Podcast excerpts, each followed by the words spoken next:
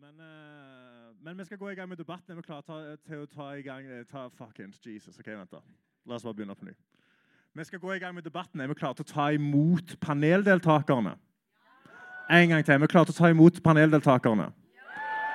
Da tar vi godt imot Liv Tørres, Gry Ballestad, Arne Breivik og Sofie Frøysaa. Applaus! Applaus!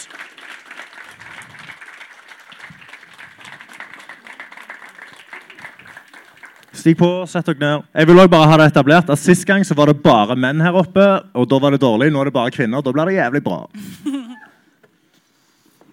Oh. OK. Det er fordi vi skal snakke om krig og fred og sånn, det. Ja, ja, ja. Krig og demokrati. Forrige gang så var det krig og miljø. Og det Ja. greide ikke jeg å takle. Uh, det var så jævlig middels dårlig. Men, uh, men OK. Uh, jeg har Ja, jeg har et åpningsspørsmål bare sånn til å spørre allment. Eh, har dere tro på demokratiet? Er dette sånn ja-nei-spørsmål? Eh, jeg kommer til å spørre hvorfor etterpå. Å ja. ok. Uh, altså, nå kommer jeg fra et parti som fikk 4,6% sist stortingsvalg, så nei. Svaret er ja. Svaret er ja? OK, hvorfor det? Fordi eh, det, fordi, fordi det er bra og produserer de beste resultatene. Ja. Ja. ja Fint svar. Mest fred òg. Mest fred? Ja, der har du et godt poeng.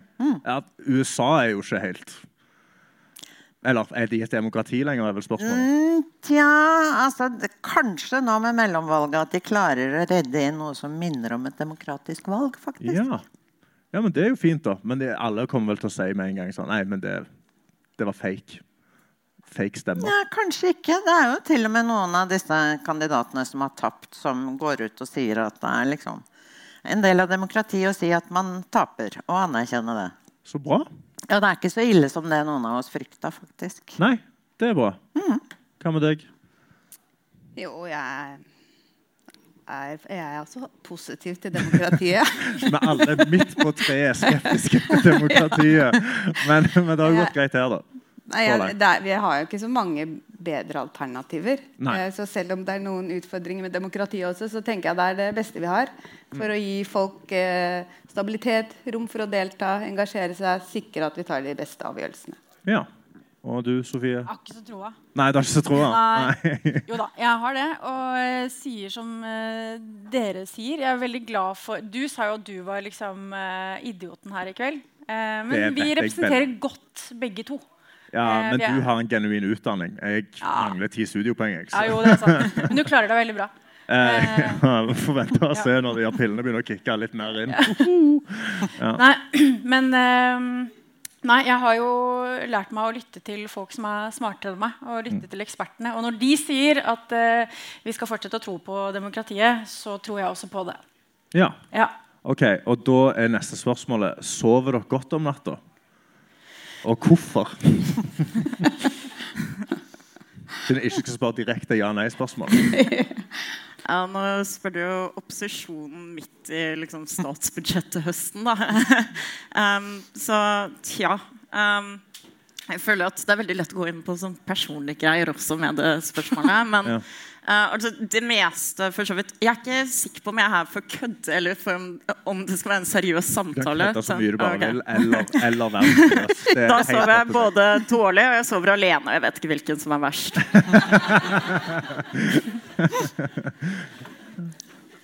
Ja. Jeg sover ganske godt om natta.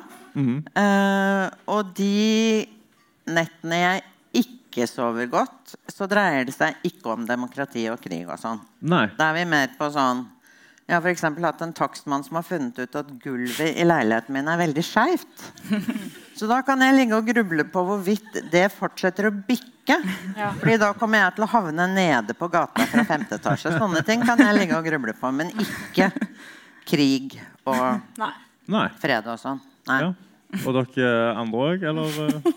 Jeg sover veldig godt. Eh, Ja. Og det er veldig lite påvirket også av krig og demokrati. Jeg har sovet meg gjennom at uh, israelske militære rev nabohuset mitt. Og jeg merket ikke før jeg våknet neste morgen og så at en lettvegg hadde falt ned i leiligheten min. så, ja, så krig, demokrati, det er ingenting som forstyrrer min søvn. Der føler jeg det er, det veldig, mye, altså, det er veldig mye å grave i den historien. Der. Men du ligger og sover i et hus altså i Palestina, da? I Palestina, ja. Ja. ja de, Eh, er, de kommer heldigvis ikke så nær. Så. de kommer ikke Kommer ikke til Tåsen. Nei, de kommer ikke til Tåsen. Nei. Det hadde vært veldig gøy.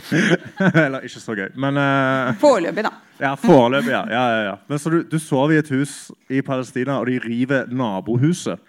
Og du, altså, står du opp, og så går du ut, og så er du bare sånn Ai, faen. Der var det ikke et hus lenger. Ja, neste morgen. Ja. Der var det ingenting. Nei. Det, altså Jeg var først litt overraska over den lettveggen da, som lå. Ja. Og så Og så bare Så var det ikke et hus lenger. Reiv de ditt hus etterpå, da? Neida. Neida. Nei da. Okay. OK. Men hva er trikset da? Har du tempura-madrass, eller? Ja. Nei, Sover du med ørepropper? jeg bare legger hodet på puta. Du bare legger hodet på Fy fader, jeg skulle vært deg. Uh, Shit, vi er så privilegert gjeng her nå. Ja. Eh, eh, nei, men da kan jeg være ærlig og si at jeg sover ganske dårlig. Ja. Eh, både av personlige grunner. Holdt jeg på å si. Eh, Det er mye man kan ure seg over. Altså, ja, takst og sånn. Eh, strøm, hallo. Har noen eh, ja, kjent på det de siste, de siste månedene? Mm. Men òg denne klimaangsten. Den eh, tynger meg eh, veldig. Yes, og da fikk vi satt stemninga. jo, men jeg tenker på det hele tiden. Ja.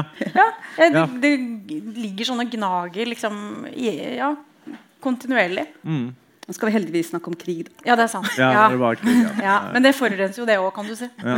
ja, det var det vi diskuterte sist gang. Det ble ikke Ja. så veldig gøy. Nei. Men uh... Nei, men jeg sover ikke så godt. Hva med ja, deg? jeg skal gå eh, Jeg, Ja. eh, jeg sover ganske OK, spesielt på Pinex Forte. Fy faen, det funker. Du sover som et helvete. Men eh, sov tre timer rett før jeg kom her. Men eh, ellers sånn på natta så jeg, jeg sover ikke dårlig fordi jeg bekymrer meg for liksom, krig og sånn. Mm. Men jeg sover mer dårlig fordi sånn jeg hadde en jævlig dårlig debatt sist gang. Uh, og da sleit jeg med å sove. Ja, Det ligger og gnager. Det ligger og gnager. Ja. Ja. Ja, ja, Og klimaproblemene da. Du er veldig god til å snakke deg selv opp også, Karsten. Det merker vi jo. Er jeg er veldig løyen. Det er han. Ja. Uh, ja, ok. Så vi går videre til neste sånn veldig gøy spørsmål. da. Men uh, kan man Altså, er det mulig å oppnå mer demokrati gjennom krig? Da spør jeg igjen helt åpent, så må bare noen ta den ballen. Altså, jeg tror ikke det er så veldig mange som har gått til krig for å få innført demokrati med suksess, liksom. Nei. Nei, det er vel Altså, Amerikanerne prøvde på det i Irak, blant annet. Eller de sa de, det var det Ja, de de skulle ha. Det var ikke så veldig vellykka. Uh, Nei. Nei, det var jo ikke det. nei, Det er et veldig, det er veldig, veldig konkret Det er noe med at liksom, demokrati bør jobbes fram på andre måter enn gjennom krig. Ja, For hvordan jobber man fram et uh, demokrati? Et Nei, annet? da organiserer man folk i en fagbevegelse, f.eks. Ja, Ja. Det er veldig lurt.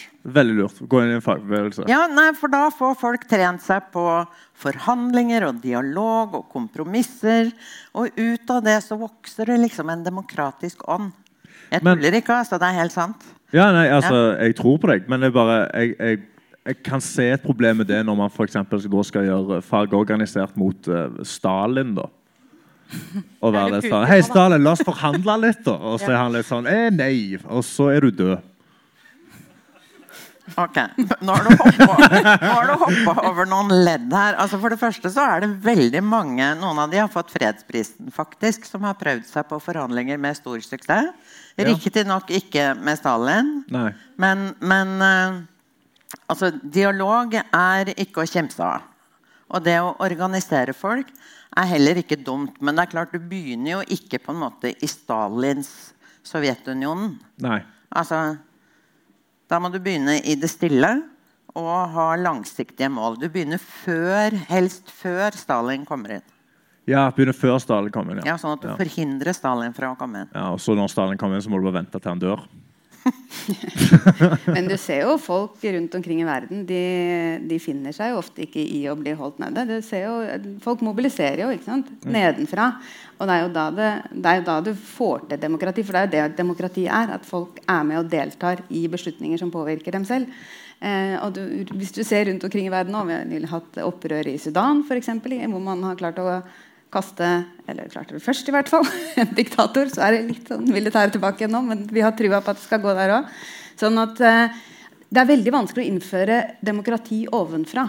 Altså, kan, det, ja, som, som, Liv sier, det er veldig få eksempler vi har på at man har klart å bombe seg til demokrati.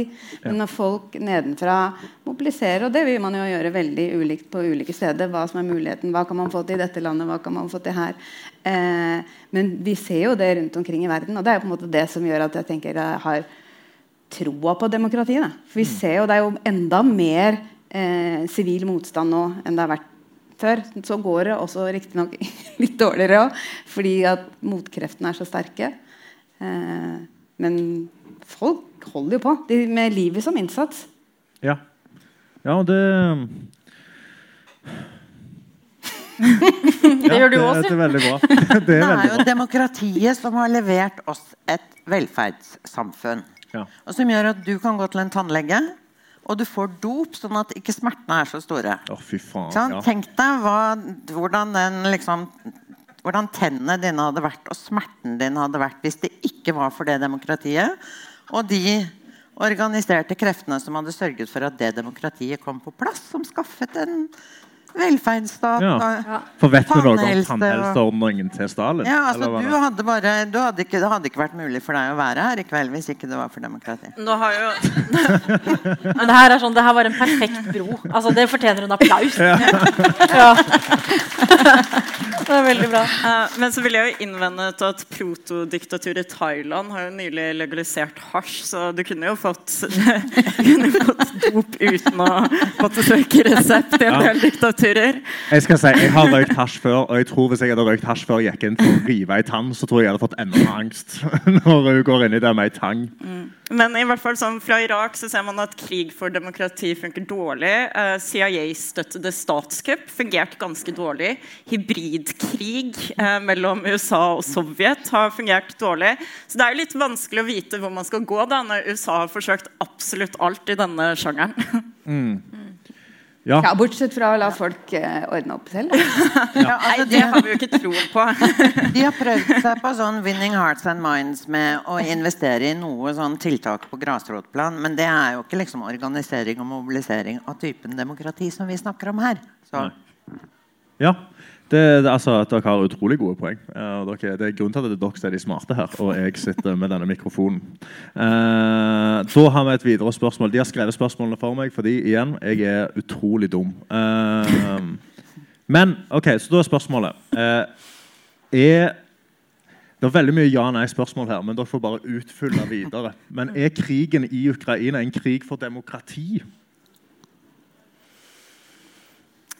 Altså, det er jo Nå gjør jeg meg kanskje litt upopulær, men det er jo veldig få som ville pekt på Ukraina før denne krigen har vært sånn Det er det perfekte demokratiet. Tvert imot så var det et land eh, preget i stor grad og nå, nå, er jeg kanskje litt for alvorlig, men et land i stor grad preget av korrupsjon, som ikke overholder ganske basale, grunnleggende rettigheter. Akkurat nå, det er litt sånn det er ikke nødvendigvis noe norske politikere trenger å påpeke mye, men det er utrolig mye problematikk med hvordan LHBT pluss-personer hvordan de blir behandlet i Ukraina.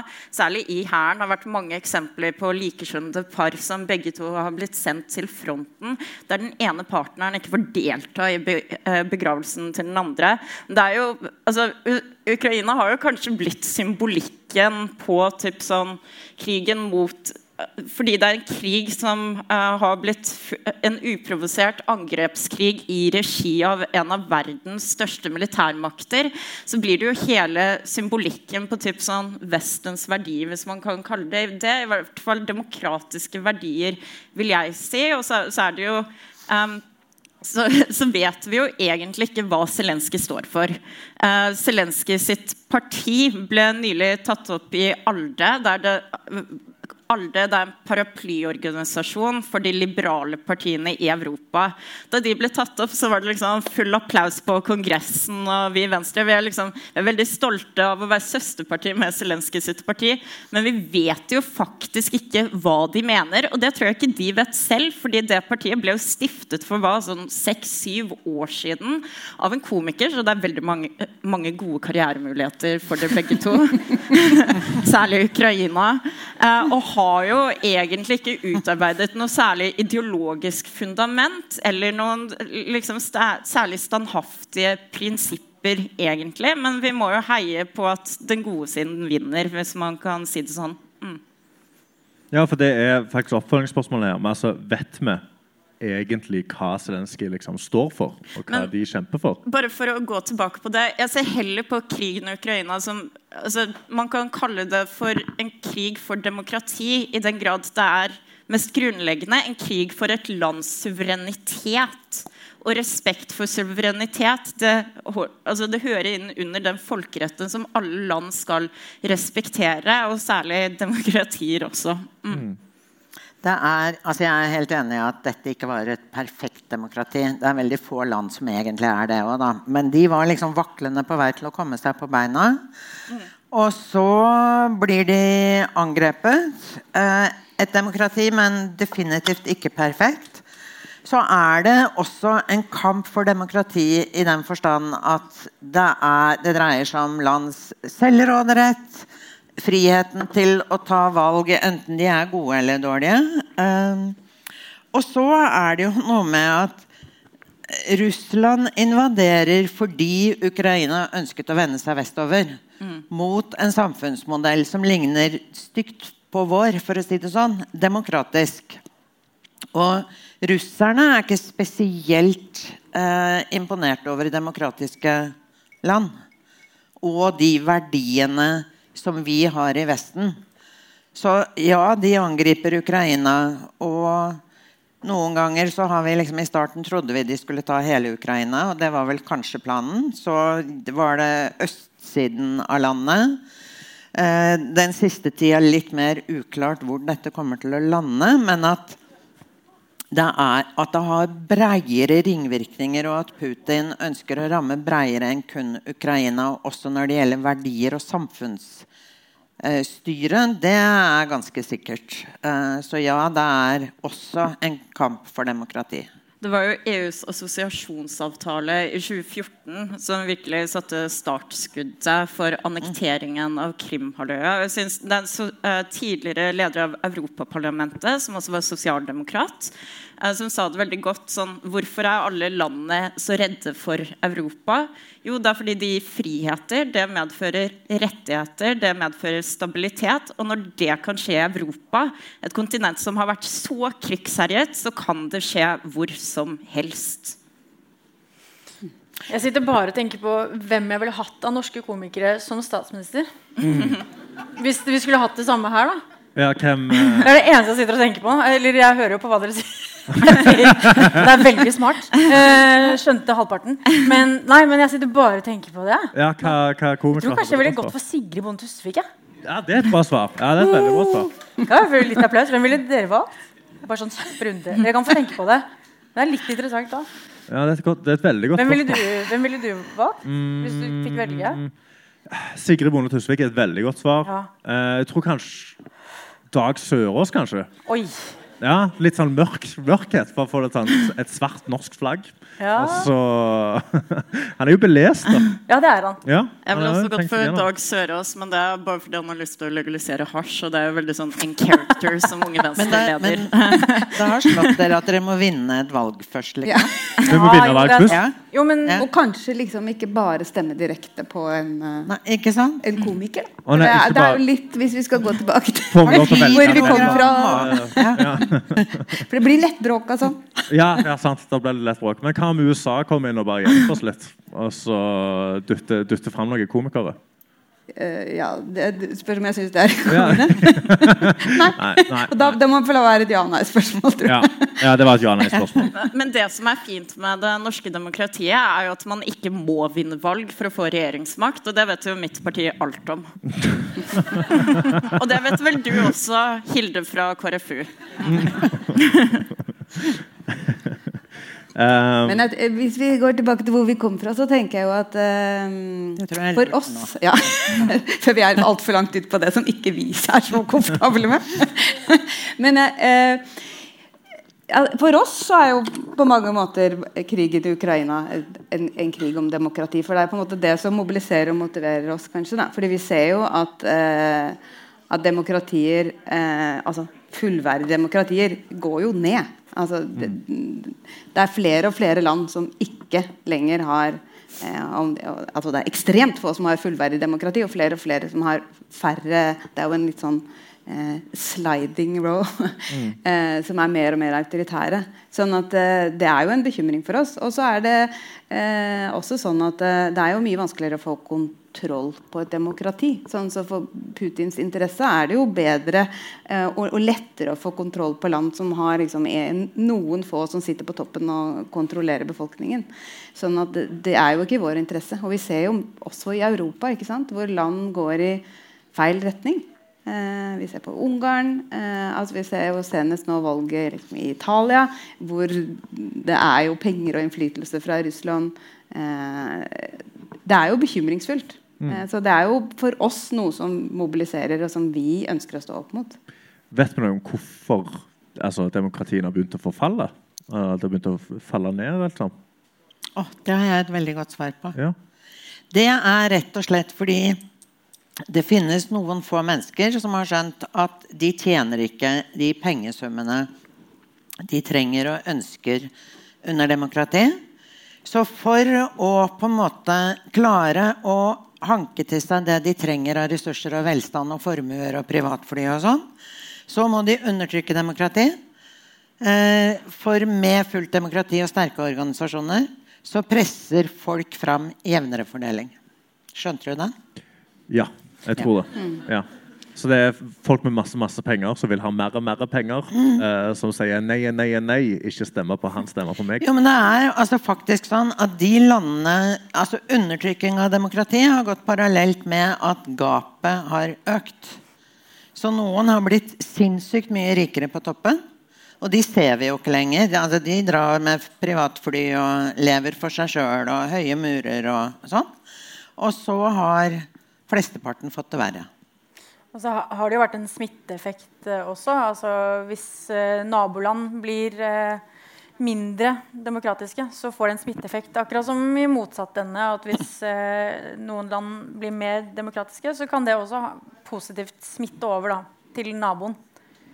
Så det også er jo en av årsakene. Ja, og det så man jo også med, med, sånt, uh, med den LHBT pluss-lovgivningen. Uh, mange har fått med seg disse LHBT-frie sonene uh, i Polen. Og det var jo, Først ble det innført i Russland, og så, og så var det flere og flere land, uh, bl.a. Polen og Ungarn, som vedtok nøyaktig samme vedtak mm. som Russland. Og så er det jo um, det er jo også slik at Når man ser på et demokrati og en rettsstat, så liker man gjerne å tenke at sånn, det som er viktig, er at vi har de riktige spillereglene for å hindre at demokrati og rettsstaten forvitrer. Men det man også ser, er at det trenger ikke bety så mye hva slags grunnlov man har. De fleste land har sterkere grunnlover enn Norge. Norge har en gammel grunnlov. Den har ikke så, mange, eh, så, så mye som sikrer rettsstaten vår. Tvert imot. Det er det nyvalgte folkevalgte eh, Stortinget som eh, godkjenner eller behandler anklager om valgfusk. La oss se, se for oss en tenkt situasjon der Høyre får 60 ved å fuske i stortingsvalget, så skal liksom Høyre møte opp og da behandle disse anklagene om valgfusk. Det er et veldig veldig sårbart system. Men det man ser, er jo at demokratisk tradisjon og, demokrat, ja, og eh, demokratisk identitet, hvis man kan kalle det at eh, det er det aller, aller viktigste for å bevare et demokrati. Så ser men, det som altså Jeg er litt usikker på den smitteeffekten. Unnskyld, Grim. Men Altså Sør-Korea og Nord-Korea, hvordan skal du forklare Ja, Det er vel eh, et eh, godt eksempel på et unntak, ja. Mm. ja. ja. Ok. Ja. Men jeg vil eh, tilbake til det du sa om uh, ulikhet. For vi ser jo det i, i uh, Altså Demokratiet går jo sjeldnere til krig mot hverandre. Men, men, vi ser jo at det også i demokratier er borgerkrig når du får veldig store ulikheter. Og det som vi også ser i mange land, og den polariseringen som du får, da, hvor, du får, hvor du på en måte undergraver den tilliten som fins mellom folk, så får du litt sånn som i USA eller Brasil, eller, altså, hvor man liksom går ut og sier at uh, du, du, har på en måte demonisert motstanderen din til den grad at du vil ikke gi fra deg makta. Altså, hvis man gir fra seg makta, så uh, da, da, da, rakner alt. ikke sant? Og hvis vi får en sånn situasjon, eh, så fungerer jo ikke et demokrati. Når man bare deler seg på midten og går i hver sin eh, kant. Du må jo på en måte bruke institusjonen og bygge opp under den eh, samlingen i midten, hvor vi stoler nok på hverandre da, til at du faktisk, når motstanderen din vinner valget, gir fra deg makta.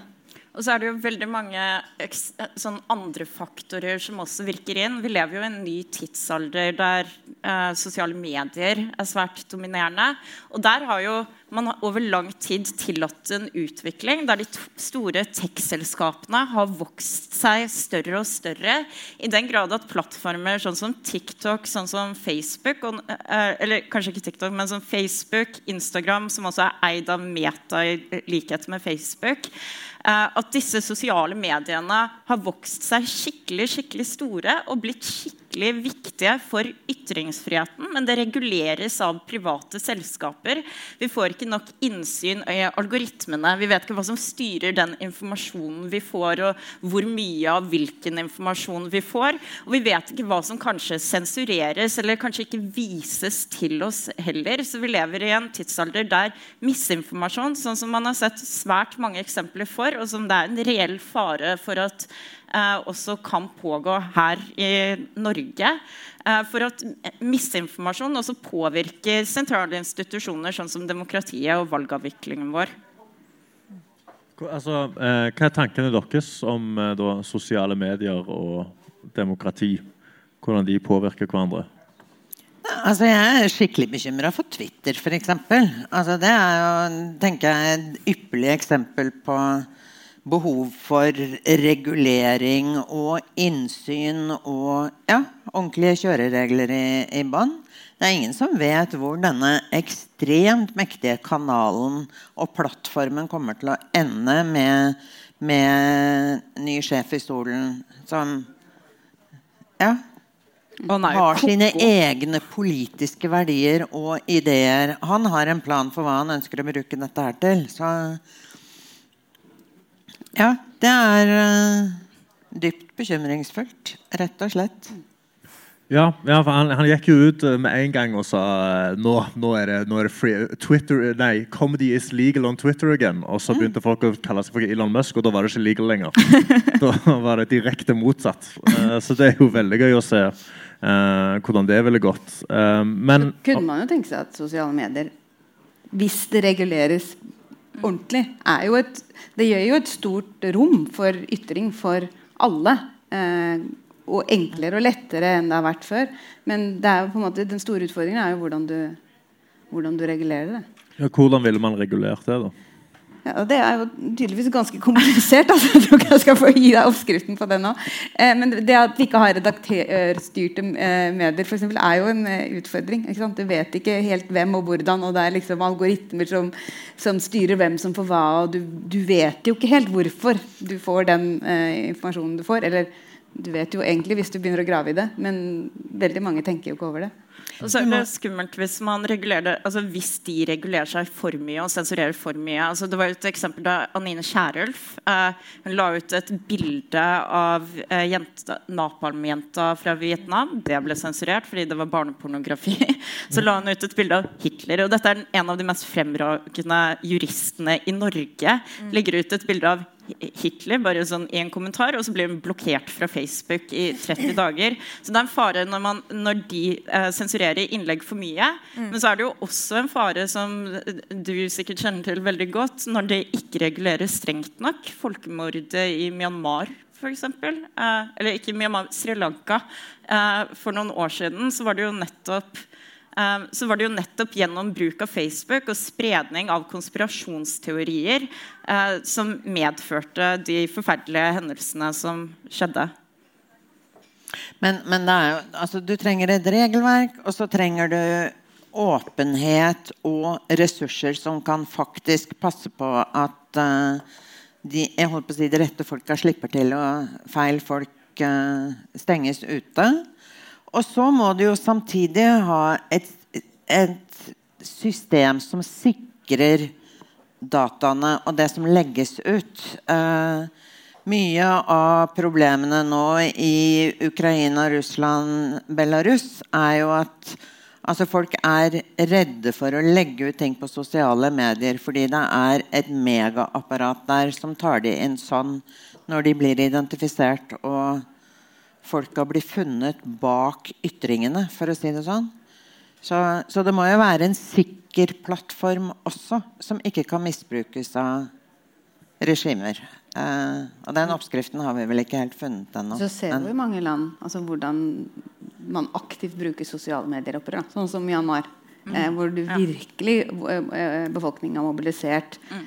Med sosiale medier. Og så er det jo det myndighetene prøver å slå ned på å stenge. Og, mm. eh, mens folk igjen da, finner og sine veier. Og som de bruker for å finne aktivistene. Altså, de bruker det også ja. for å finne aktivistene sånn i etterkant. Men det er, det er, jo, sosiale medier gir jo muligheter for å mobilisere. Eh, veldig raskt, veldig fort og stort. Eh, så, ja. så det er jo liksom hele den derre det, det, det, er veldig positive sider ved det, men det kan også ha veldig eh, negative konsekvenser. Mm. Ja, ja, det um, ja, Jeg har ikke svaret, i hvert fall. Uh, Men da, da, går vi videre. Dere er veldig smarte. Jeg, jeg syns dere er veldig smarte.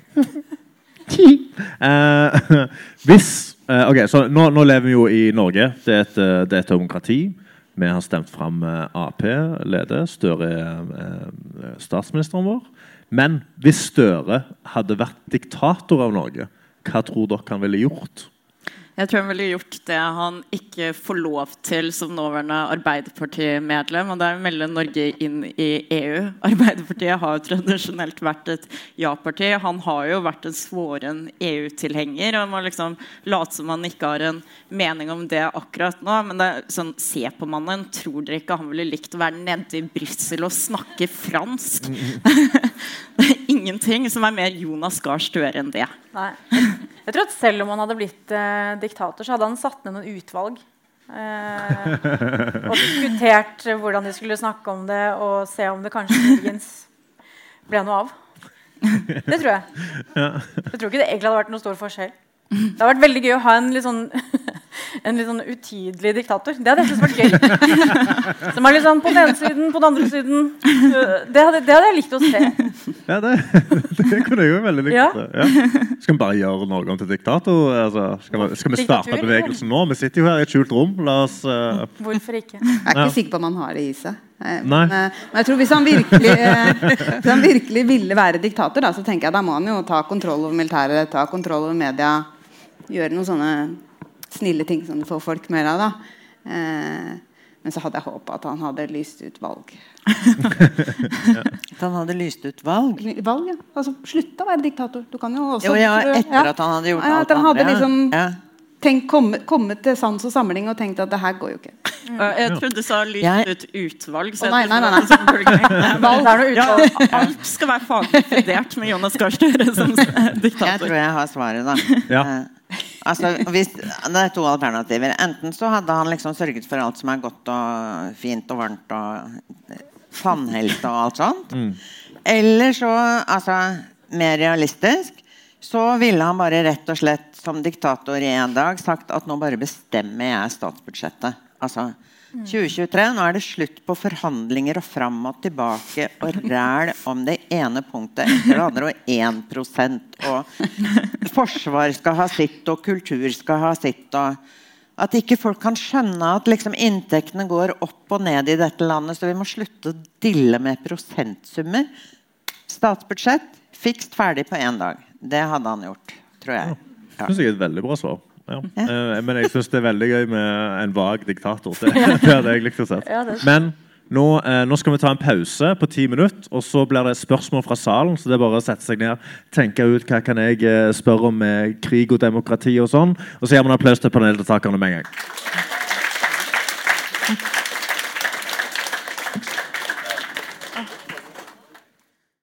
Er vi klare til å gå i gang igjen? Er vi klare til å gå i gang? All right. Applaus til paneldeltakerne en gang til. Og så Vi skal gå i gang eh, med spørsmålsrunden veldig snart. Men først og fremst eh, så fortalte Sofie at du har en oppskrift på hvordan eh, å få gang et, hvordan du skal bli diktator. Ja, Ja? I Norge. i Norge. OK. Ja. Eh, bare for å sette det inn i kontekst, så at ikke folk lurer på om jeg er gæren. Eh, og driver og holder på med det på fritida. Eh, så har jeg laget en podkast for UiO eh, som heter Sofie Kuper Norge. Som jeg laget sammen med Sofie Høgestøl. Eh, hun var min mentor. Har jo riktig parti, eh, ifølge deg. Ja. Eh, og eh, målet med denne podkasten var rett og slett å finne ut av hvor sterkt er demokratiet i Norge. Og så eh, snakket jeg da med ulike professorer, eh, forskere, og, og fikk da til slutt laget en oppskrift på hvordan bli diktator i Norge. Så hvis det sitter noen diktatorspirer her KrFU eh, Nå vet jeg ikke hvor dere er, men eh, ja, ikke bli for inspirert. Ok. Eh, nå får dere altså oppskriften. Eh, første, første mm, steg er at jeg må aldri si høyt at jeg vil bli diktator. Så allerede der har jeg jo driti meg ut. eh, og så må jeg da, Det ble jo nevnt i stad. Eh, det er ikke bare å bli statsminister. Dette vet jo eh, de fleste her. Eh, men man må bli leder av et parti. Det hjelper jo, selvfølgelig. Og i min podkast vil jeg starte et nytt parti. Være litt kreativ. Eh, og ikke gå inn i noen etablerte partier, men rett og slett starte fra scratch. Eh, og da valgte jeg å starte et fiktivt parti, altså Mental Helse-partiet. Så når du spurte hva ville du gjort som eh, diktator for en dag, jeg ville definitivt rustet eh, eh, det psykiske helsevernet. da. Der har du meg. Noen er opptatt av kake og hasj. Jeg er mer sånn psykisk helse, da. Eh, ja. Og så eh, var det viktig å bygge en tydelig gruppeidentitet for velgerne. Og da skape et oss og dem-narrativ som øker polariseringen.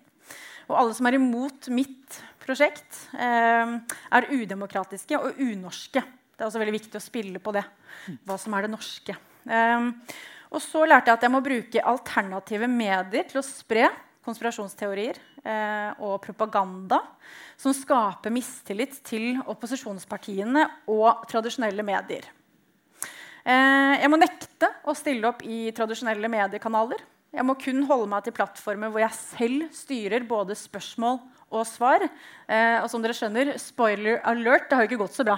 Jeg har ikke fått styre noen ting i kveld. Eh, så jeg har ikke blitt diktator. Bare sånn, hvis noen lurte.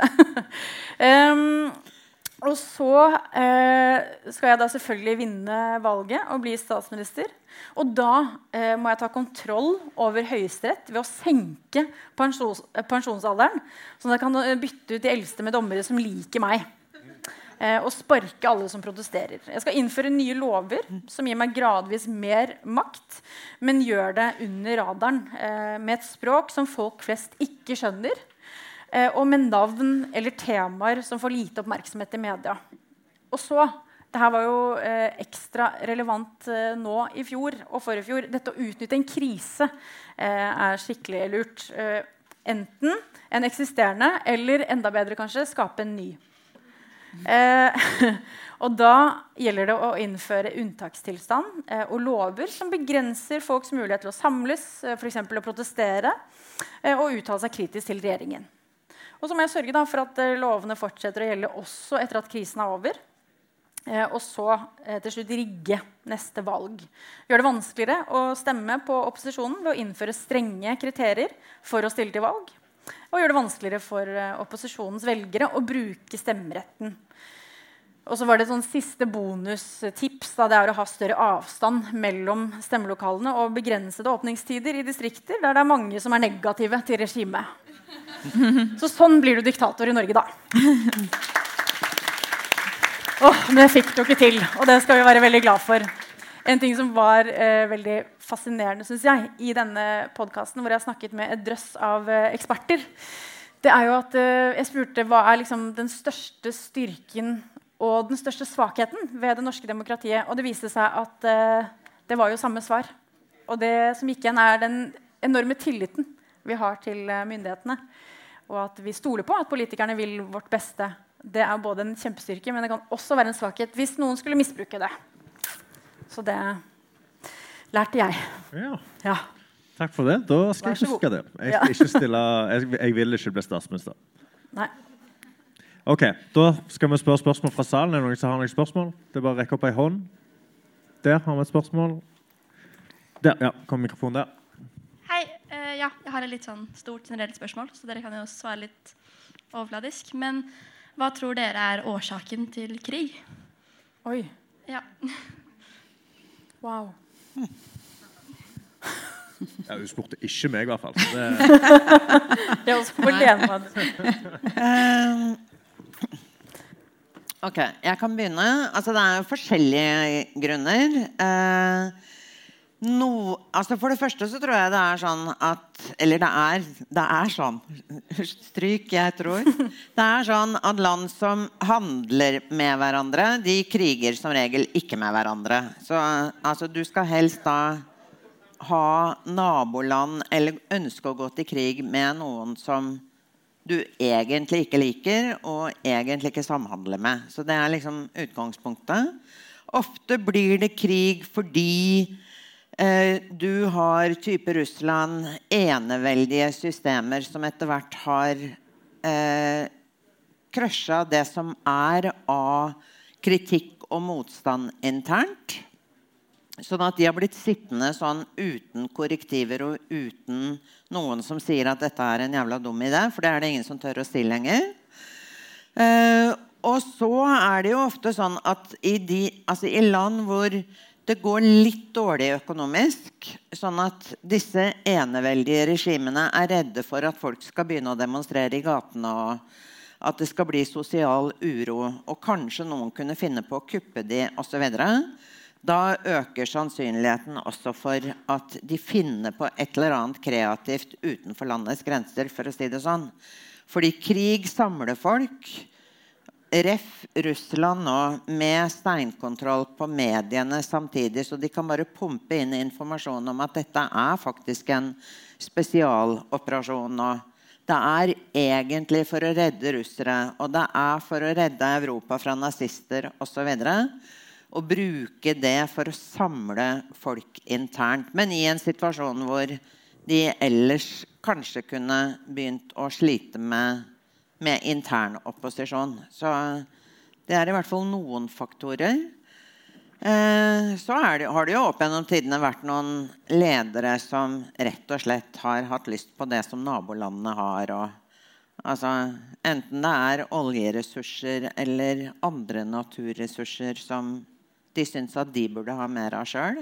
Eh, Krig og konflikt handler jo ofte grunnleggende om ressurser. Altså Putin har jo åpenbart en sånn Third Reich-tankegang med altså russisk imperium på en måte, og utvidelsen av det ved, uh, ved okkupasjonen av uh, Eller invasjonen av Ukraina. Og så, samtidig så Krimhalvøya har jo en viktig strategisk posisjon. Uh, det handler om tilgang til, altså, tilgang til havet. Uh, Ser man på Darfur-konflikten 20 år tilbake i tid, eller noe sånt eh, Jeg ikke bleier da, men eh, så handlet det jo også til dels om vannmangel. Og det er jo det som er særlig faretruende nå med de klimaendringene vi opplever, hvis vi ser på det i krig- og konfliktperspektivet. Det kommer til å være endret værmønstre. Eh, flere deler av verden kommer til å oppleve ekstremvær. Eh, I tillegg vedvarende tørke i tidligere frodige områder. Mangel på vann. Det kan også eskalere i mye større grad en rekke konflikter. Og så, og også sånn, det er jo noen konflikter som er særlig pågående. og Kjennetegnet ved mange av de, de områdene, eh, enten det er ja, Um, kjennetegnet ved mange av de konfliktsonene som har vært pågående over lengre tid, er at det gjerne er også tale om ganske eh, ressursrike relativt sett kan man si, områder.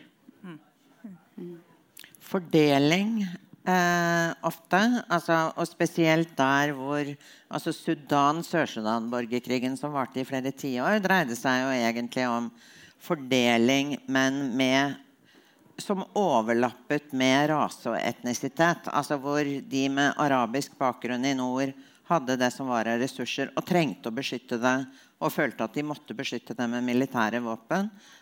overfor en stor folkegruppe av afrikanere og andre etniske grupper som var kristne, ikke annen religion, med andre ord, annen etnisitet, og måten å på en måte holde det landet da under kontroll på, var med våpen, tenkte de. Eh. og så har man jo alle eksemplene på at sånn, Vesten har fucket opp. Uh, se på Angola, der jeg bodde som barn, for så vidt. Uh, så Portugal, Portugal, var jo Det er litt Jeg vet ikke om dette er et gøy fun fact eller ikke, men Portugal var jo både første, en av de første kolonimaktene, men også den siste. Eh, Portugal ga fra seg Angola som koloni i 1975.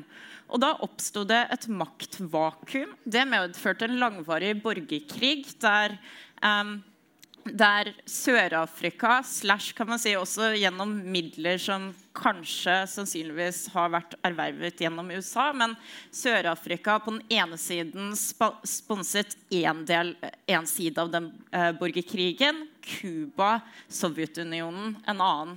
Så det er jo også noe med sånn, litt tilbake til det med hybrid krigføring, men også sånn Eh, hvis man ser på mange tidligere, altså tidligere, kolonier som Vesten har hatt, at man, eh, at man har tappet de for ressurser. At man ikke, har, eh, ikke i tilstrekkelig grad har sikret gode nok institusjoner, godt nok styresett, gode nok forutsetninger for å styre landet videre. Og der det har blitt kastet inn i vedvarende konflikter.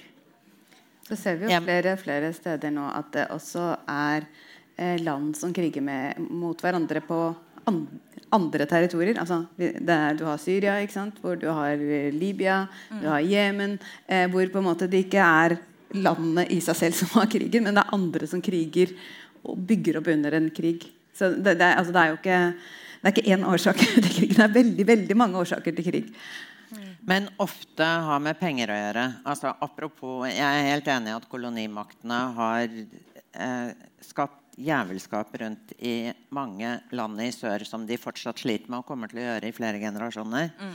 Men de har, eh, de har, faktisk et ansvar sjøl også. Altså, det sitter afrikanske politikere bl.a. i mitt andre hjemland, Sør-Afrika, som mm. har gitt et god bidrag til å fuck it up ytterligere. Ja. Så, og der er penger, korrupsjon, ja, ressurser Handler det ikke alltid om kapitalisme, da?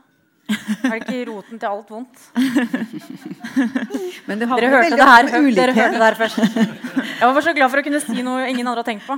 Det, det er liksom mitt bidrag her, da. kan du si. Men mye godt også, da. Eh, ja. Som den pilsen jeg kjøpte i stad. Ja, jo, jo. Men, ja. Jeg bare ville nevne det. Er det noen flere spørsmål? Bak der. Og der, ja. ja.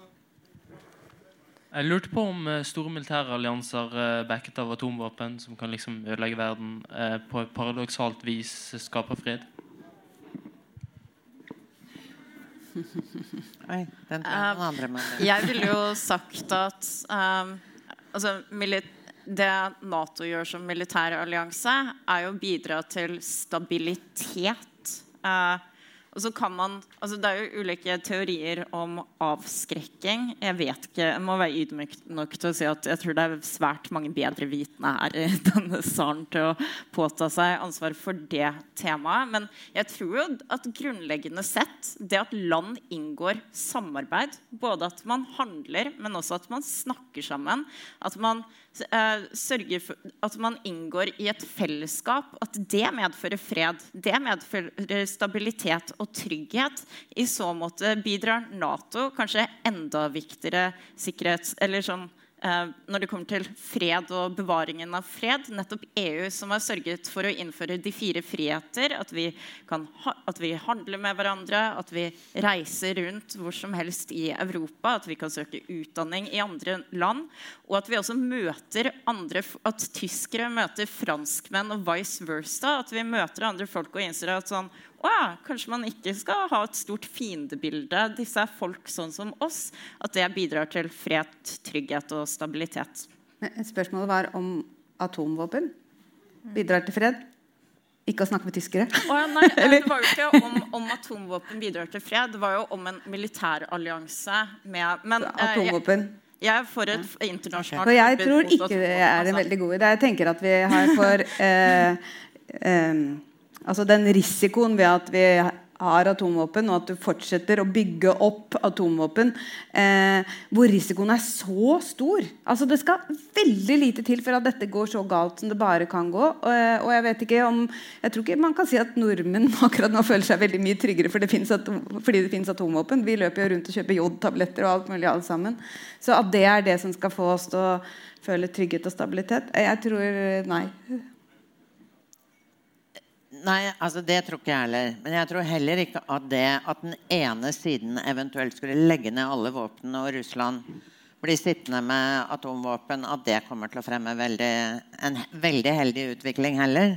Altså Hele poenget er vel at atomvåpenforbudet som ble vedtatt i FN, og som fortsatt er et stridstema bl.a. på norsk side, hvorvidt man skal joine eller ei, og regjeringen sier nei. Uh, men det sier jo ikke det forbudet at vi mener at den ene siden bare skal legge ned alle våpnene i dag. Altså Det forbudet var et resultat av at de statene som ikke har atomvåpen, mente at atomvåpenstatene var altfor slepphendte med, med nedrustningsarbeidet. At nedrustningsarbeidet ikke gikk framover. Så når forhandlingene starta etter at man allerede hadde hatt en prosess som faktisk starta i Norge, som dreide seg om å se på de humanitære konsekvensene av atomvåpen. Da var det først og fremst for å utvikle i første omgang et normativt press på atomvåpenstatene. Så målet er å presse fram en nedrustning på alle sider. Men ikke å kreve selvfølgelig at nei, nå skal Nato legge ned alle våpnene, og så kan Russland gjøre det seinere, og de andre får bare vente. Altså det er en, ja, når jeg ser på pressedekningen av atomvåpenforbudet innimellom, så tenker jeg at noen gjør sitt beste i å Og det sier jeg ikke til deg, altså, det var ikke sånn spørsmålet var formulert heller. Så du bare tappet inn på en frustrasjon jeg har gått og boret på en god stund. Som at det ser ut som om vi liksom bare tror at noen skal legge ned våpnene med en gang. Og da blir det fred i verden. Det er ikke sånn. Altså, folk er ikke De som mobiliserte for et atomvåpenforbund og for nedrustning internasjonalt, de var og er ikke så dumme. Altså, og ja, jeg tror også på multilateralt samarbeid. og at vi er nødt til å vi, Norge har heller ikke forsvarsevne aleine. Sånn at vi trenger å stå sammen med andre. Men, uh... og særlig sånn tydelig nå med Ukraina, da, behovet for militære allianser som kan, som kan balansere og matche egentlig den militære stormakten som Russland er. Og Russland er jo et av flere eksempler på autoritære regimer som uh, har rustet opp over lengre tid. Vi har jo også Kina. Uh, som stadig Som utvikler stadig, stadig flere stridsvåpen, bl.a. Så da, jeg mener oppriktig at det er et behov for Nato i den verden vi lever i. Mm. Men, men, nå skal jeg si noe som jeg syns er ganske klokt. og det er at, altså Jeg støtter også at Norge er med i Nato. Men det vi mangler akkurat nå, er ikke først og fremst militærkraft og våpen og våpensalg. Altså Våpenindustrien har bare altså De tjener jo penger så det suser etter. Det vi mangler først og fremst nå, er de tunge internasjonale lederne som faktisk mobiliserer for å finne et eller annet håp om dialog og forhandlinger og fred. Det er det vi mangler nå. Og ja, vi har Macron som har prøvd, og Erdogan prøver innimellom. og sånn. Men uh, Ja, beklager. Hvis vi skal sette vår lit til Erdogan, så, jo, så blir jeg litt altså, Hva er det vi har ellers, da? Altså, vi trenger flere, altså, vi trenger flere fredsinitiativ. Og ja, selvfølgelig må Ukraina forsvare seg og få hjelp. Men altså det er litt jeg synes vi, vi, kjører oss jo litt opp i et hjørne hvis det bare skal handle om mer våpen og mer atomvåpen og mer eh, opprustning, eh, og vi ikke skal kunne snakke om noe annet. Eh, fordi det, det er ikke da, da, går det på et eller annet tidspunkt galt. Altså Vi er nødt til å gjøre noe for å komme ut av den. Men det gir jo Venstre sykt mye bra PR, da. Så Vi har blitt krigshauker nå. Men blir det fred av det? Ikke nødvendigvis, men altså, mange av de forslagene Venstre har fremmet, har man jo egentlig bare fulgt etter det EU har gjort. Og så har man gått ut og krevd sånn Nå må regjeringen gjøre dette! Så vet jo alle at regjeringen kommer til å gjøre det. Kanskje en eller to dager etter EU, men ja, da kommer vi på i media. Ti av ti. Det er det viktigste å vinne valg. Krig og demokrati og sånn er ikke så viktig for meg. Mm. Neste spørsmål. Ja.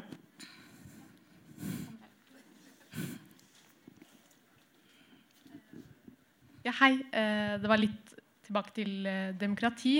Eh, så i dag så er det, virker som alle er samstemte på at demokrati er det best egnede styresettet i verden per i dag.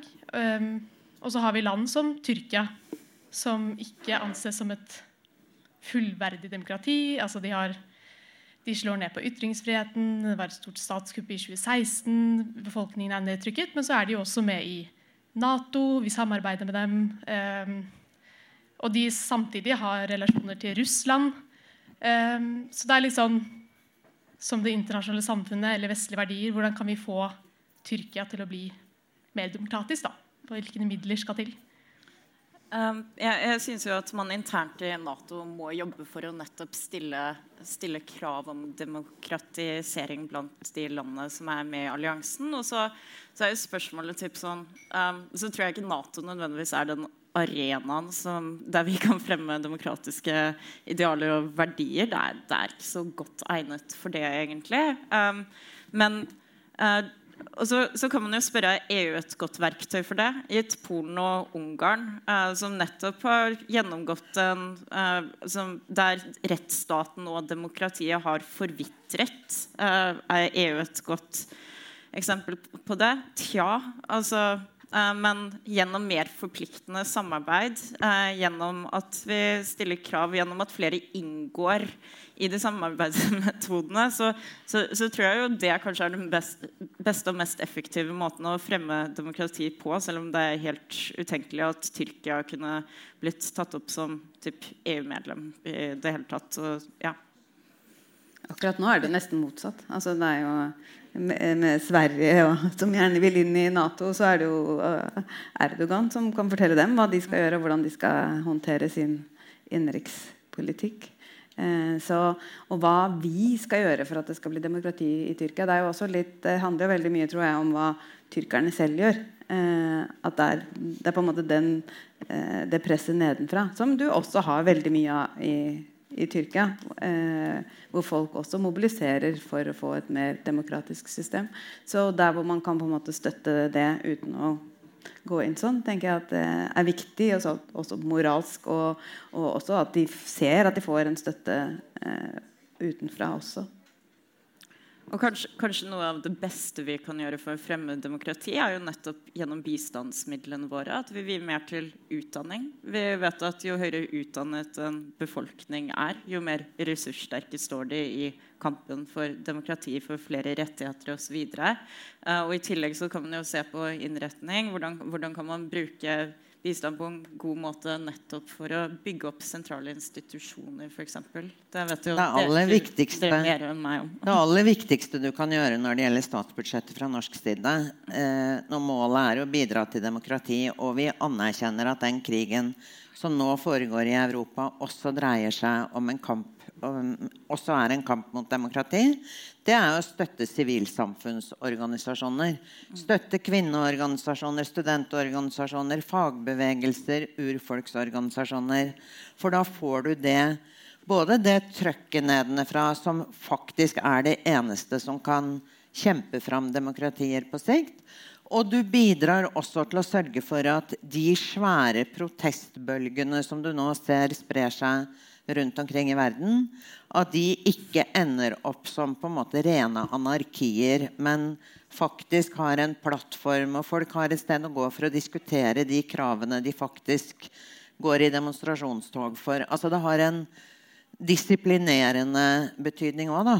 Uh, og det er jo ofte noe som er litt sånn feilslått. at det er sånn La oss si sånn, et tenkt diktatur. Et eller annet skjer som er helt fucka boka, og så er kravet, av, kravet fra offentligheten ble ofte litt sånn Og mange av de politiske løsningene som løftes, er bare sånn ja, nå, nå fjerner vi bistanden fra dette landet. Men bistanden går jo til organisasjoner som jobber for, altså for at jenter skal gå på skole, og for, til sivile organisasjoner, til LHBT pluss-organisasjoner, eh, til å bekjempe fattigdom og sult osv. Som fagbevegelse, f.eks.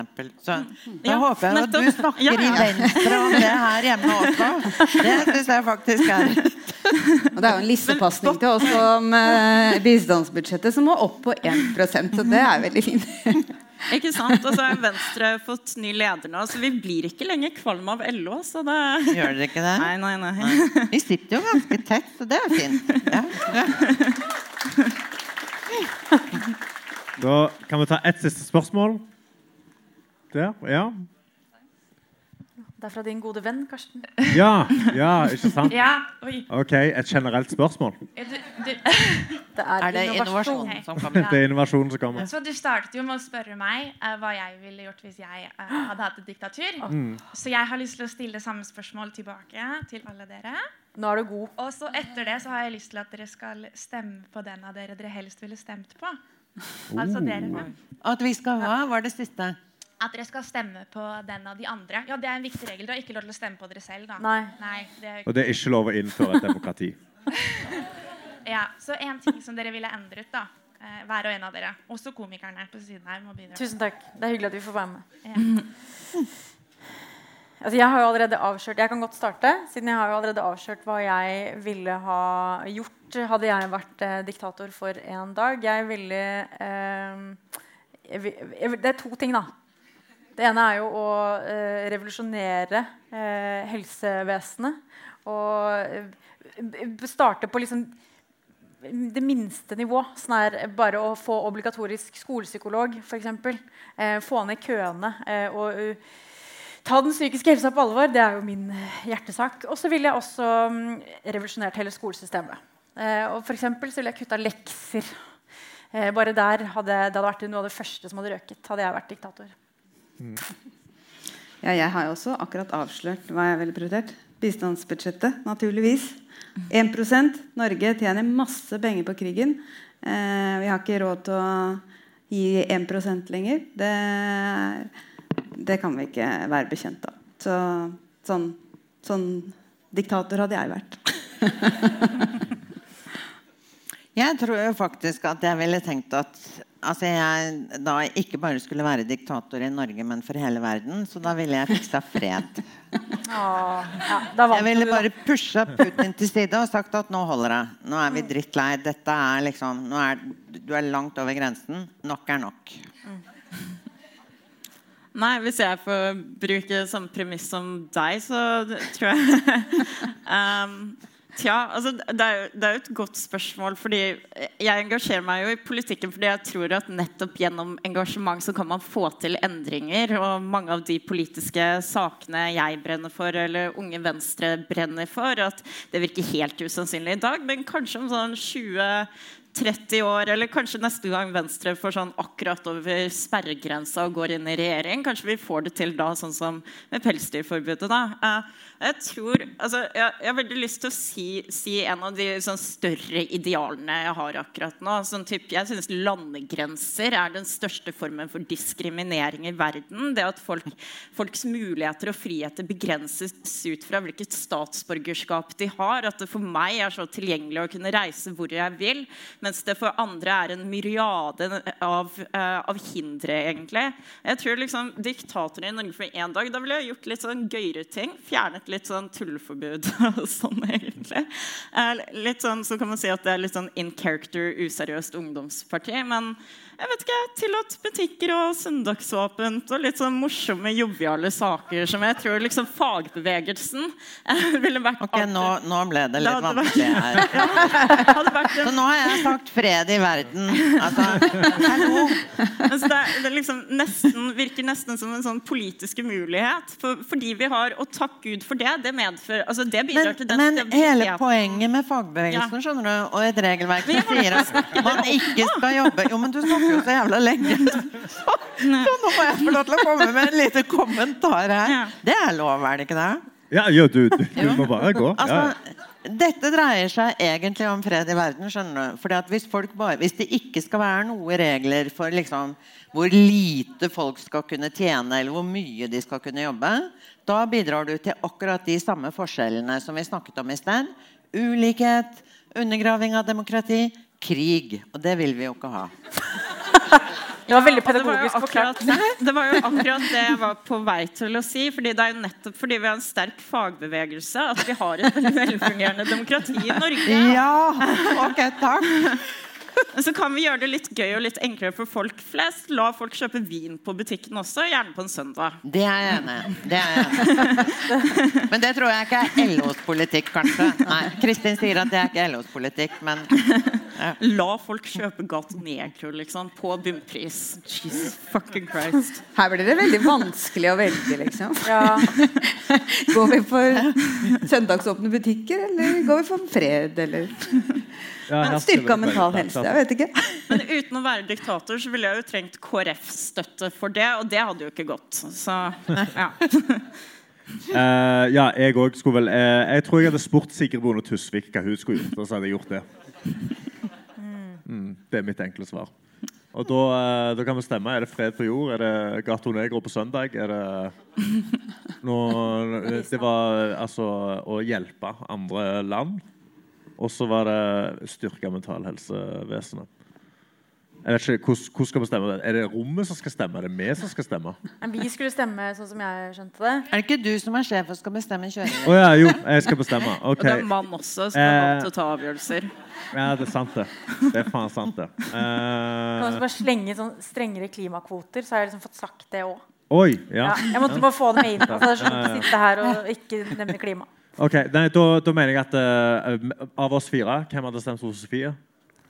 Altså hun, eh, Oi, hun gikk jo for ja, Hun var den som fylte reglene. Ja. Det er fordi jeg er politisk uavhengig her. Det, det hjelper. ja, Og sammen med deg? Nei, jeg stemte på henne. Ja, du stemte deg. Ja, men ja, da, da, er jo reglene som spesielle. På henne alle tre, egentlig. Det er demokrati over. Ja. Det du som ikke Så nå kan du bli diktator. Nå er du godt på vei. Men det er, litt, det er litt urovekkende nå at eksperter sitter og stemmer på Idioten. Men uh, det er jo også Du har jo oppskriften. Befriende. Jeg, har jo oppskriften. jeg ville stemt på Fred på jord, da. Den slår jo alt. Ja, Det er jeg glad for. Ja. Det var veldig sånn Miss World-svar. Ja. det liker jeg. Har ikke du sett den filmen Miss Universe med Sandra Bullock? Jo, jo, jo. Ja, ikke sant? Det er litt samme. Um, men det jeg også skulle si er at den der oppskriften på hvordan bli diktator, den kan du også snu rundt. Hvordan forhindre ja. diktatorspirer. Ja. Så nå har vi lært mye. Ja, så Da får du bestemme hvordan du skal gjøre det når du blir diktatoren av Norge. Jeg ble på ekte glad for at dere stemte på meg. Nå føler jeg at jeg har vunnet et valg som ikke fins. Men jeg gleder meg. Jeg skal ta godt vare på alle sammen. Det setter vi veldig pris på. Eh, da, da, var vi, da, var vi, ferdig for i dag med Tull alvor. Men eh, vi skal først og fremst ta opp de to arrangørene av det hele. De som har gjort dette mulig. Ta godt imot Henriette og Silje. Stor applaus.